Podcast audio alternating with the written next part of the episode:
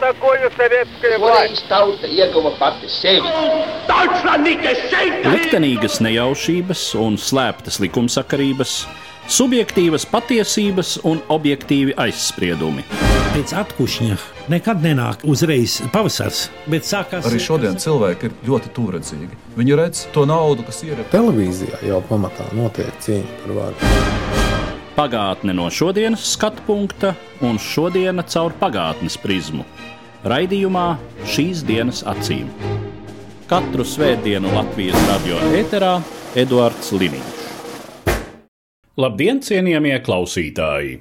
26. janvārī atzīmējām simto gada dienu kopš Latvijas Republikas atzīšanas de jure, kas notika toreizējā Antantes valstu augstākās padomes sesijā Parīzē 1921.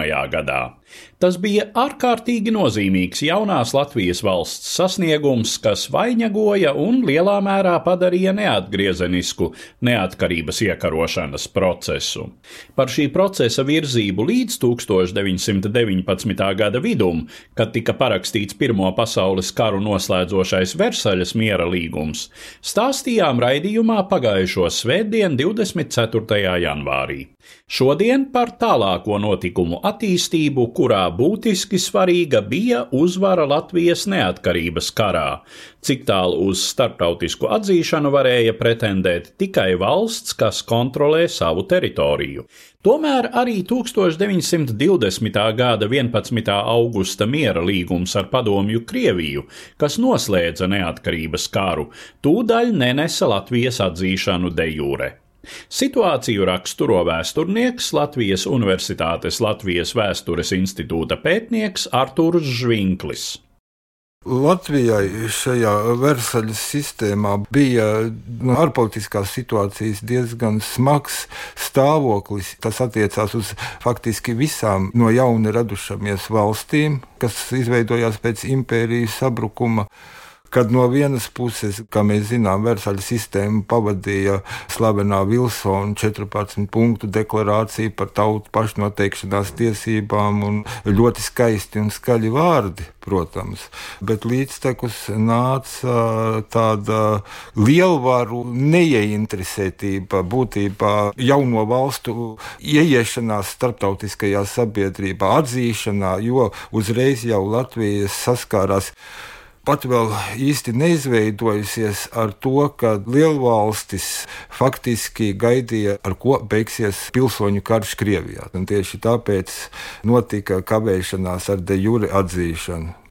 Tikai tad, kad kļuva skaidrs, ka Krievijā bolševiku vara ir izveidojusies uz ilgu laiku, un arī tad vēl nesteidzās, jo tika gaidīts, kā nokārtosies šīs attiecības ar Padomi Krieviju. Un, protams, chronoloģiski vispirms bija 1920. gada 11. augusta miera līgums ar Padomi Krieviju, diplomātisku attiecību nodibināšana ar Padomi Krieviju, un tikai tad, 21. gada janvārī, sekoja de jure atzīšana no lielvalstu puses. Tāds bija tas eh, garais un erkšķainais būtībā ceļš līdz eh, Latvijas starptautiskai atzīšanai. Viņš nebija viegls ļoti aktīvs bija jaunās valsts pirmais ārlietu ministrs Zigfrīds Annemejerovics.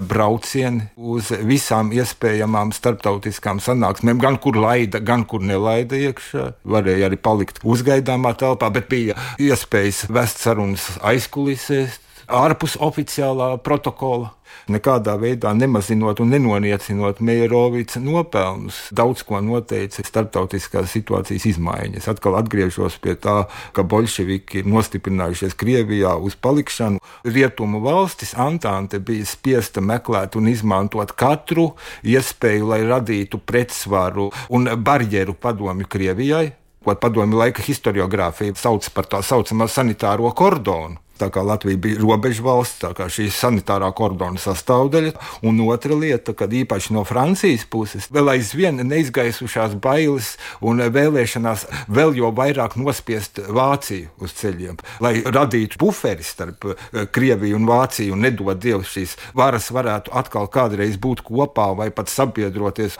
Tieši tas arī, manuprāt, galvenokārt izšķīra to, ka Baltijas valstis, un tā skaitā Latvija, ieguva šo starptautisko starptautisko atzīšanu, ka galu galā Latvija kļuva par starptautisko tiesību subjektu, kļuva par de jure atzītu valsti. Varēja izveidot diplomātiskās attiecības ar Eiropas valstīm un daudzām, daudzām pasaules valstīm. Par 1919. gada jūnijā noslēgtā Versaļas miera līguma ietekmi uz Latvijas neatkarības de jure atzīšanu pastāv atšķirīgi viedokļi. 24. janvāra raidījumā izskanēja vēsturnieka Ginta apala redzējums, ka līgumam, kas noteica kārtību pēckara Eiropā bez neatkarīgām Baltijas valstīm, bija drīzāk negatīva ietekme. Iespējamos Versaļas līguma pozitīvos aspektus savukārt iezīmē vēsturnieks, Latvijas Universitātes vēstures un filozofijas fakultātes profesors Inesis Feldmanis. Liela daļa pētnieku uzskata, ka arī Latvija caur Versaļas miera līguma trīs pantiem. Nu šeit ir laikam 116. pāns, 292. pāns un laikam 434. pāns, kad caur šiem trim pantiem iegūsi ir vispārēji de facto atzīšana. Tam bija ļoti liela nozīme, jo līdz Versaļas miera līguma parakstīšanai, līdz 19. gada 28. jūnijam, Latviju praktiski ar atsevišķiem rakstiem de facto līmenī bija atzinuši tikai četras valstis, bet Versaļas miera līgumu parakstīja 32 valstis, un visas šīs Versaļas miera līguma parakstītāju valstis, respektīvi, atzina līdz ar to arī Latviju kā de facto pastāvošu valsti.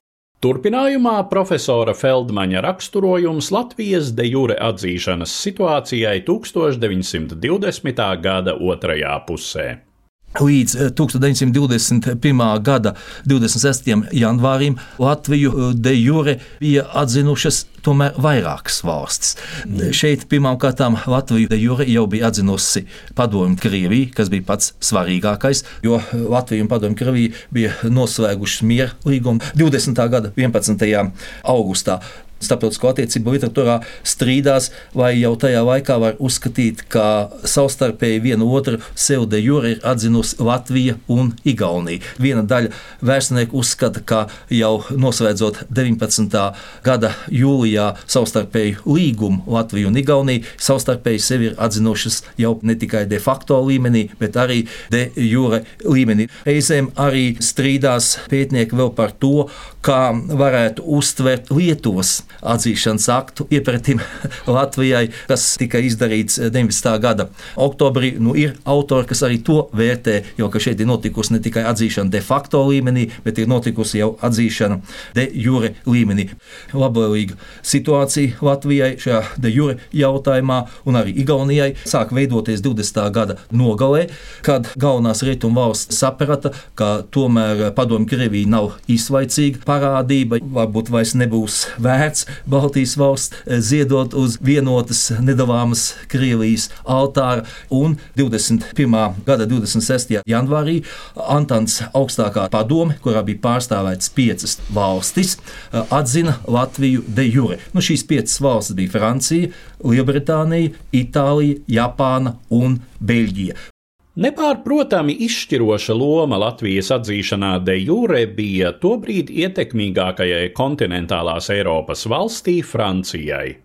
Nozīmīgas izmaiņas Francijas nostājā par labu atzīšanai notika 1920. gada pēdējos mēnešos. Francijas politiku Latvijas un pārējo Baltijas valstu de jure atzīšanas sakarā raksturo franču vēsturnieks, Strasbūras Nacionālās un Universitātes bibliotēkas humanitārā virziena literatūras atbildīgais glabātājs Žiljēns Gilēns. Et qui ont euh, du mal, euh, comment dire, à voir les évolutions. Donc ces politiques, euh, dans, juste après la Première Guerre mondiale, sont quand même euh, menées par des logiques de court terme, par des, des analyses qui parfois évoluent. euh, Britu politika būtiski neatšķirās no franču politikas. Tās pamatnostādne bija nevajag būt pārlieku ideālistiskiem. Gan britu, gan franču politika Austrum Eiropā bija visai realistiska. Atšķirībā no Francijas, Lielbritānijai bija bijusi zināma vēsturiska sāncensība ar Krievijas impēriju. Briti paturēja prātā iespējamos Krievijas draudus viņu ekonomiskajām interesēm Baltijā, kas Ziemeļa Eiropā bija daudz nozīmīgāks nekā Francijai, un līdzīgi kā Frančiem, arī Britiem bija grūti analizēt situāciju Austrum Eiropā, kas mainījās burtiski katru mēnesi. Tomēr arī Britiem bija raksturīga manis jau pieminētā pieeja. Baltijas nācijas ir atbalstāmas kā pretsvars vācu draudiem un sarkanajiem, bet jāpaturprātā, ka nākotnē šis jautājums būs jārisina ar atjaunoto Krieviju. Laikā, kad Lielbritānija Pirmā pasaules kara finālā atzina Latviju de facto, Francijai bija ļoti cieši sakari ar Krievijas balto kustību, un Francijā valdīja pārliecība, ka sarkano sakāvi ir dažu mēnešu jautājums. Francija šai situācijā uzskatīja par prātīgāku neatbalstīt Baltijas valstis, kurām nebija nedz armijas, nedz ieroču, nedz iespēju. Pareizāk šķiet atbalstīt vienotās un varenās Krievijas atjaunotājus, Krievu balto kustību. Bet jau pēc gada, 19. gada beigās, Franči bija ļoti gatavi iesaistīties cīņā pret Bermudu armiju, jo viņiem bija svarīgi nepieļaut, lai šie revanšistiskie vācieši iegūst pozīcijas Austrumē Eiropā. Kā jau teicu, 1920. gadā aktualizējās jautājums par Latvijas un Igaunijas atzīšanu de jure, redzot tās kā potenciālās polijas sabiedrotās pret padomju Krieviju, jo šajā laikā Francijā valdīja spilgti antikomunistiska politika. Savukārt Briti šajā laikā ieņēma rezervētāku pozīciju pret Baltijas valstu atzīšanu, jo bija diezgan skaidrs, ka sarkanie Krievijas pilsoņu karā uzvarēs, un Britiem parādījās interese slēgt ar padomju Krieviju ekonomiskus līgumus un piedalīties pilsoņu karā sagrautās valsts atjaunošanā. 1921. gada sākumā tieši Francijai piederēja izšķirošais lēmums par Baltijas valstu atzīšanu de jure. Tā kā gan britu, gan franču politika šai laikā mainījās atkarībā no situācijas un no izmaiņām skatījumā uz galvenajiem jautājumiem, Vācijas jautājumu un Krievijas sarkano un balto spēku cīņas jautājumu, tad vēl jāievēro, ka šai laikā Baltijā nebija pastāvīgu rietumu korespondentu un bija visai grūti gūt precīzu priekšstatu par Baltijā un Krievijā notiekošo. Priekšstati bieži bija vienpusīgi, jo, piemēram, par Lietuvu tos Francijā veidoja daudzie tur dzīvojošie poļu žurnālisti, attiecīgi Polijai labvēlīgā gaismā.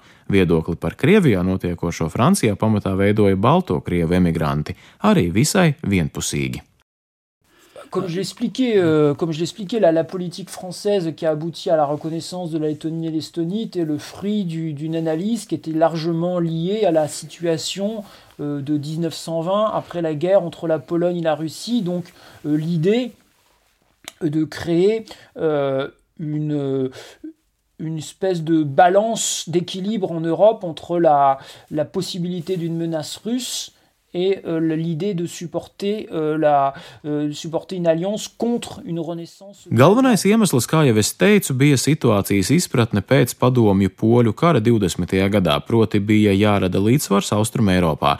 Baltijas valstis nedrīkstēja atstāt bez atbalsta starp sarkano Krieviju un Poliju, jo tas nozīmētu, ka jau pēc neilga laika Krievija censtos radīt šais valstīs iekšējās problēmas un atgūt tās savā varā. Te liela loma bija Mērovicam, kurš saprotami paskaidroja franču politiķiem, ja Latvija ilgi paliks bez starptautiskas atzīšanas, tā nespēs piesaistīt naudas līdzekļus, nevarēs uzbūvēt spēcīgu demokrātisku republiku, jo mūsu pašu iedzīvotāji zaudēs ticību savai valstī. Ja mums rūp stabilitāte Austrum Eiropā, mums tas ir jāņem vērā. Vēl 1920. gada septembrī Francijas nostāja bija: mēs atbalstīsim Latviju tehniski, taču neatbalstām tās uzņemšanu Tautas Savienībā. Tātad neatbalstām pilnīgu Latvijas valstisko neatkarību no Krievijas. Taču tad, 21. gada sākumā, sarkanie likvidēja pēdējo Baltās kustības atbalsta punktu. Viņi ieņēma Krimu. Bija bažas, ka tagad sarkanā armija pavērsīsies pret rietumiem un iznīcinās jaunās Baltijas valstis, lai, protams, tālāk atkal iebruktu Polijā. Kā zināms, 20. gada augustā sarkanā armija jau bija aizlauzusies līdz Varšavai un dažos virzienos pat aiz Varšavas. Tātad radās izjūta, ka sarkanie var iebrukt Eiropā. Bija jābūvē kāds aizsprosts, tomēr arī pēc šīs atzīšanas de jure Francijā saglabājās viedoklis, ka pēc kādiem pieciem gadiem būs jauna, nebolševistiska Krievija un būs jāmeklē cits risinājums.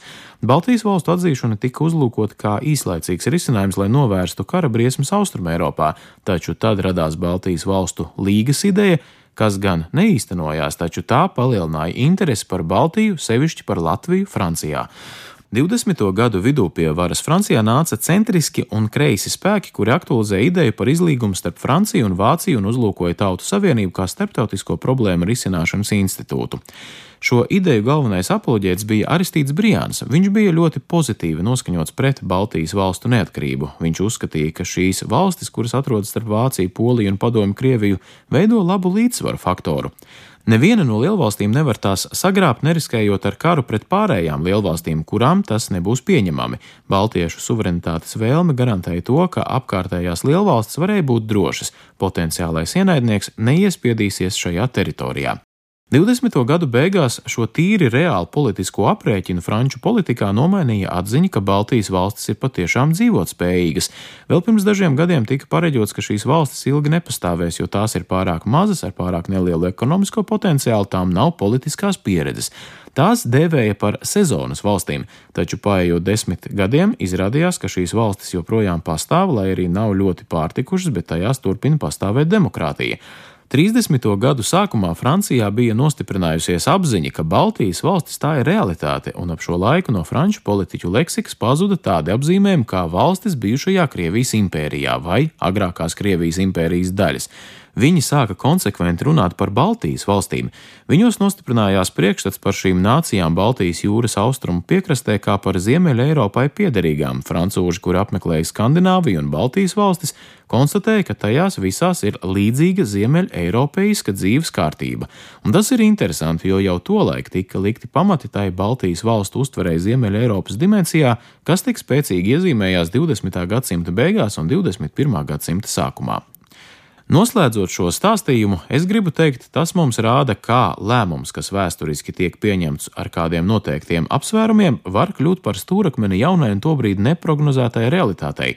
Tā lēmums par Baltijas valstu atzīšanu de jure tika pieņemts ar konkrētiem reāli politiskiem motīviem, taču deva iespēju veidoties jaunai realitātei - Baltijas nāciju pastāvēšanai. Vairāku citu lielvalstu nostāju Baltijas de jure atzīšanas jautājumā vēsturiskās Antantes augstākās padomes sēdes priekšvakarā un pašas sēdes gaitu raksturo profesors Inesis Feldmanis. Vai gan Amerikas Savienoto Valstu prezidents Vudro Vilsons savā laikā bija tieši izvirzījis šo tautu pašnoteikšanās principu, kas jau sāka zināmā mērā pārvērsties par politisku normu. Amerikas Savienotās valstis tomēr nevēlējās šo tautu pašnoteikšanās principu pilnā mērā attiecināt uz tām tautām, kas dzīvoja Krievijas nomalēs, nu tā skaitā arī uz Baltijas tautām.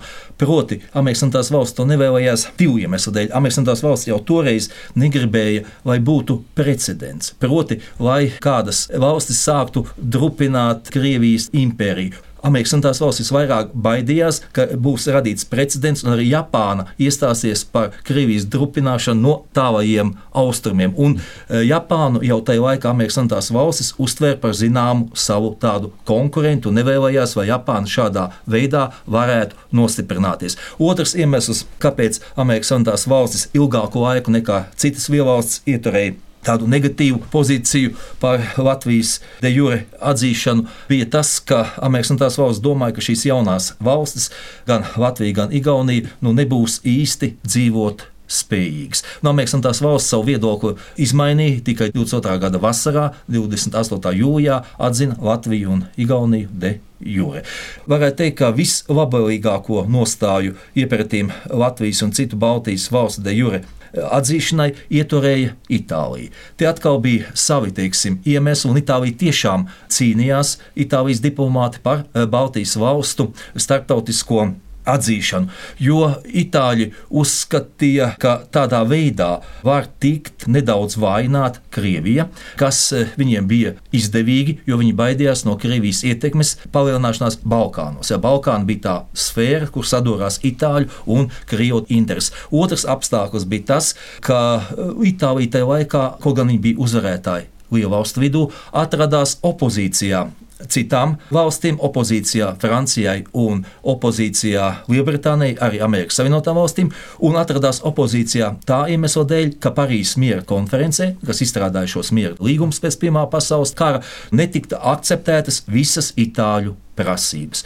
Un itāļi sāka runāt par izkropļotu uzvaru, par to, ka viņi ir saņēmuši daudz mazāk nekā bija cerējuši, nekā tas, starp citu, viņiem bija apsolīts slepenos līgumos, kas tika slēgti Pirmā pasaules kara gados. Bet lietas būtība bija tāda, ka šos slepenos līgumus bija parakstījusi Lielbritānija, Francija un Krievija, bet nebija tad parakstījusi šos slepenos līgumus Amerikas Savienotās eh, valsts. Tāpēc Amerikas Savienotām valstīm viens no šiem slepeniem līgumiem, šajā gadījumā es domāju Londonas līgumu, kas tika noslēgts 1915. gada 26. aprīlī, Amerikas Savienotās valsts to neuztvēra par sev saistošu. Itāļu eh, labvēlīgo attieksmi pret Baltijas tautām noteica arī tas, ka tik, tikko arī faktiski tā īsti bija noslēgusies pilnīga Itālijas nacionālā apvienošanās. Tā kā viņa sevi jutās solidāra ar šīm jaunajām valstīm, un tāpēc Itālijas tā laika politiķi, tīpaši Itālijas ārlietu ministrs Sforza, ļoti iestājās un aizstāvēja Baltijas valstu intereses, iestājās par šo valstu starptautisku atzīšanu. Ir vēl viena persona, kuras vārds šai sakarā ir uh, iezīmējies arī Rīgas pilsētas kartē, un tas ir tā brīža Francijas prezidents Aristīts Briāns. Kāda ir viņa loma visā šajā procesā? Jā, Briāna loma arī, protams, ir, jo Briāns vadīja to vēsturisko sēdi. Viņš vadīja tieši 1921. gada 26. janvārī šo Antānas augstākās padomas sēdi, kurā tika pieņemts lēmums par Latvijas un Igaunijas starptautisko atzīšanu. Šajā sēdē notika arī vairāki kuriozi. Šis Baltijas valsts atzīšanas jautājums it kā pat nebija iekļauts īstā darba kārtībā, un šī atzīšana notika īpatnēji, jo vēl viena daļa vadošo Anglijas politiķu nebija pārvarējuši savu negatīvo attieksmi pret Latvijas un Igaunijas atzīšanu de jure līmenī, un toreiz šajā vēsturiskajā sēdē sēdē. Lielbritāniju pārstāvēja tā laika ārlietu ministrs Kerzons un eh, tā laika britu premjerministrs Deivids Lloyds George. Un šajā sēdē no sākuma uzstājās Itālijas ārlietu ministrs Sforza, un Sforza ierosināja atzīt de jure līmenī Latviju un Igauniju. Pēc tam uzstājās britu ārlietu ministrs Kerzons, un viņš tieši otrādi savā runā pasvītroja to momentu un mēģināja argumentēt, ka Latvija un un Igaunija nav jāatzīst de jura līmenī. Pēc tam It kā visa situācijas izšķiršana bija Davida Lloyda Džordža rokās. Viņš izlikās, ka viņš it kā guļ, mazliet ir iemidzis pie galda, un tad, kad gribēja atkal no jauna izraisīties diskusiju, tad Davids Lloyds Džordžs piecēlās un teica: Mēs dzirdējām divus pretējus viedokļus, mēs dzirdējām divas pretējas argumentācijas. Es piekrītu Itālijas ārlietu ministram Sforcam. Kuriosi tajā apstākļī, kad Lielbritānijas premjerministrs nostājās šajā atzīšanas jautājumā pret savu ārlietu ministru, pret Kerzonu un atbalstīja Itālijas nostāju šajā jautājumā. Ar šādu kuriozu arī saistīta Latvijas atzīšana de jure līmenī. Jāpiebilst, ka 1921. gada 26. janvāris nesa de jure atzīšanu Latvijai un Igaunijai, bet ne Lietuvai. Turpina profesors Inesis Feldmanis. Lietuva šeit līdztekus tā īsti neiet. Tiešām līdztekus iet Latvija un Igaunija. Lietuvas plaša starptautiskā atzīšana notiek 22. Eh, gadā, nu, kad atzīst arī Latviju un Igauniju Amerikas Savienotās valstis, jo šeit galvenais moments, kas traucēja Lietuvai šajā ziņā iegūt šo starptautisko, vispārējo starptautisko atzīšanu eh, vienlaicīgi ar Latviju un Igauniju. Neapšaubām bija Lietuvas ļoti, ļoti saspīlētās attiecības ar Poliju, kas bija izveidojušās jau sākot ar 20. gada oktobri, jo 20. gada oktobrī Poļu armijas vienība eh, ģenerāļa Želagovska vadībā bija sagrābusi Viļņas apgabalu. Tā kā šeit bija ļoti saspīlēts attiecības, un tas arī faktiski viens no tādiem momentiem, kas aizkavēja kavējis šo Lietuvas vispārējo starptautisko atzīšanas procesu. Nu, protams, ja mēs skatāmies tieši šo laika momentu, 21. gada janvāri, tad varbūt Latvijai mazliet paveicās. Tas nāca varbūt tā ne īsti gaidīti. Šajā ziņā es gribētu pat eh, pieminēt arī vienu kuriozi. Proti, Parīzē toreiz atradās Latvijas delegācija, un tad, kad viņi saņēma ziņu par Latvijas starptautisko atzīšanu, šī delegācija uzreiz 26. janvāra vakarā nosūtīja telegrammu toreizējam ministra prezidentam Kārlim Ulmanim. Taču šī telegramma ceļā aizkavējās, un šī telegramma pienāca tikai nākošajā dienā ap pusdienu laiku, bet jau 26. janvārī, 10. vakarā pie Umaņkunga ieradās Somijas pārstāvis Latvijā un apsveic ar Latvijas de jure atzīšanu.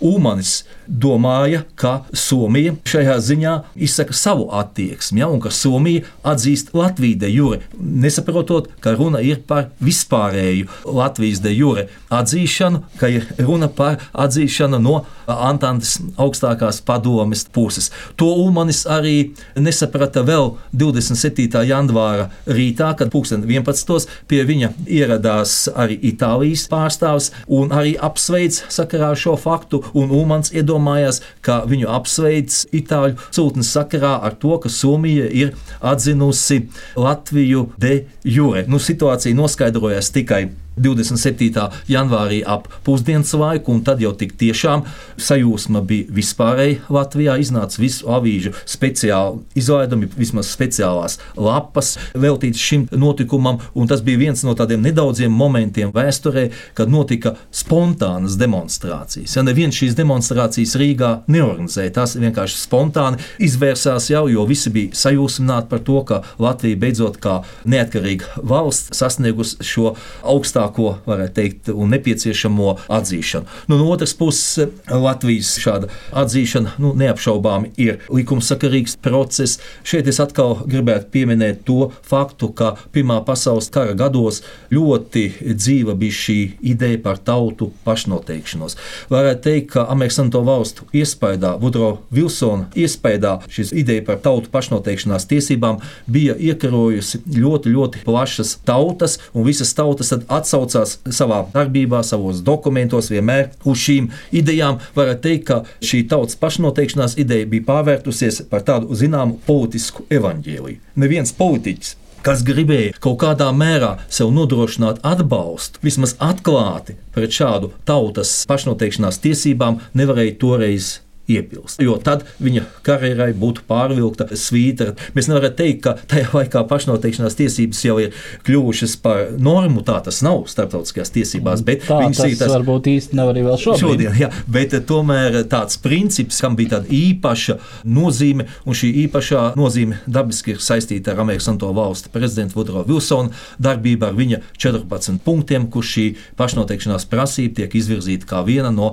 tā saucamā liberālā miera modeļa galvenajiem balstiem. Bet tai pašā laikā, kā jau es teicu, Vudro Vilsona pozīcija nebija konsekventa. Viņš šo pašnoteikšanās prasību tā īpaši attiecināt uz cariskās Krievijas impērijā ietilpušām tautām īsti negribēja. Viņš šeit domāja Poliju, zināmā mērā domāja arī Austro-Ungārijas, nu, tā sabruka 18. gada rudenī šī impērija, ietilpstošās tautas, domāja Osmaņu impērijā ietilpstošās tautas, bet eh, pret Krievijas impērijā ietilpstošām tautām tā viņa nostāja bija mazliet savādāka, kas bija pretrunā ar viņa paša pasludinātajiem principiem.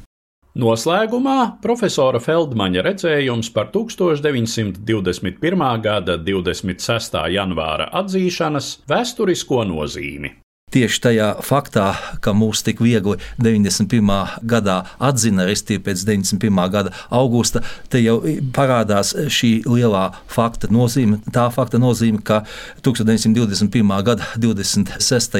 janvārī Latvija bija saņēmusi šo de jure atzīšanu. Līdz ar to tās valstis, kas nekad nebija atzinušas Latvijas varmācīgo iekļaušanu PSRS sastāvā, tās valstis, kas bija pieturējušās pie Latvijas un visu citu Baltijas valstu iekļaušanas PSRS sastāvā neatzīšanas politikas, tās eh, valstis jau uzreiz ar noteiktiem diplomātiskiem dokumentiem atzina Latvijas un citu Baltijas valstu neatkarības atjaunošanu.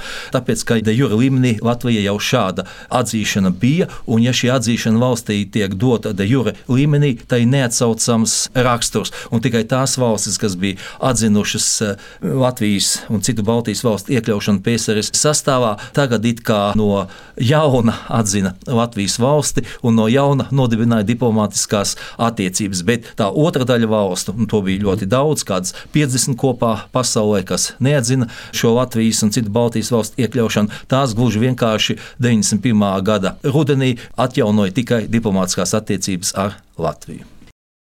Līdz ar to izskan mūsu raidījums, kas bija veltīts simtajai gadsimtai kopš Latvijas republikas atzīšanas de jure 1921. gada 26. janvārī. Raidījumā dzirdējāt vēsturniekus, Latvijas Universitātes vēstures un filozofijas fakultātes profesoru Inesi Feldmani, Strasbūras Nacionālās un Universitātes bibliotēkas humanitārā virziena literatūras atbildīgo glabātāju Žiljēnu Gilēnu un Latvijas Universitātes Latvijas vēstures institūta pētnieku Artūru Žvinkli. Uz redzēšanos, cienījamie klausītāji! Katru svētdienu Latvijas radio viens par pagātni sarunājas Eduards Līniņš.